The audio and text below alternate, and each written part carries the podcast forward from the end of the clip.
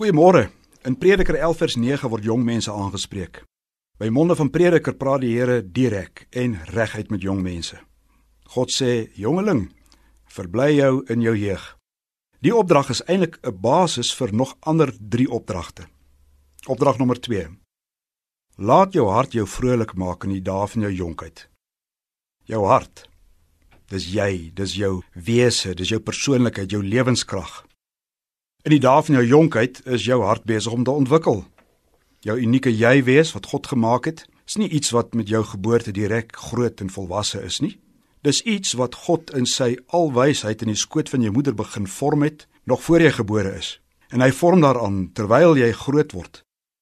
Jou ontwikkeling na volwassenheid is God se werk in jou. Daaroor moet jy nie in sak en as gaan sit nie. Jy moenie depressief raak en 'n minderwaardigheidskompleks kry omdat jy nie presies dieselfde as die ander kinders in jou klas is nie. Die Here maak nie twee mense dieselfde nie. En hy laat nie twee kinders op identies dieselfde manier groot word nie.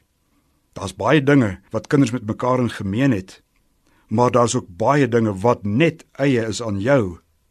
Jy is uniek en God se bevel is: wees vrolik daaroor, geniet daarvan. Dan kom opdragte 3 en 4 wandel in die weë van jou hart en in die aanskou van jou oë. In jou hart gaan daar baie dinge aan. Daar word emosies gebore, liefde vlam op, dryfvere word gekoester. Jou oë sien baie dinge raak. God sê, my kind, moenie dat jou hart net koester en jou oë alleen maar kyk nie, maar doen iets. Tree op, wandel in die weë van jou hart en in die aanskouing van jou oë. Dit sê natuurlik nie dat 'n mens net kan doen wat jy wil nie. Luister wat Prediker verder sê.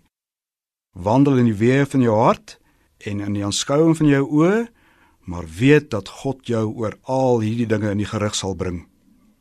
Dit klink nogal negatief, nie waar nie? Maar dit is nie. Hiermee beduie die Here vir alle jong mense. Ek gee vir jou ruimte om te geniet van jonk wees en my opdrag is benut daardie ruimte tot my eer en weet dat die dag sal kom wat ek vir jou gaan vra, hoe het jy die ruimte benut wat ek vir jou gegee het? Hoe was jou jong lewe gewees? Was jy bly? Was jy vrolik? Het jy gedoen wat jy moes doen toe jy dit kon doen?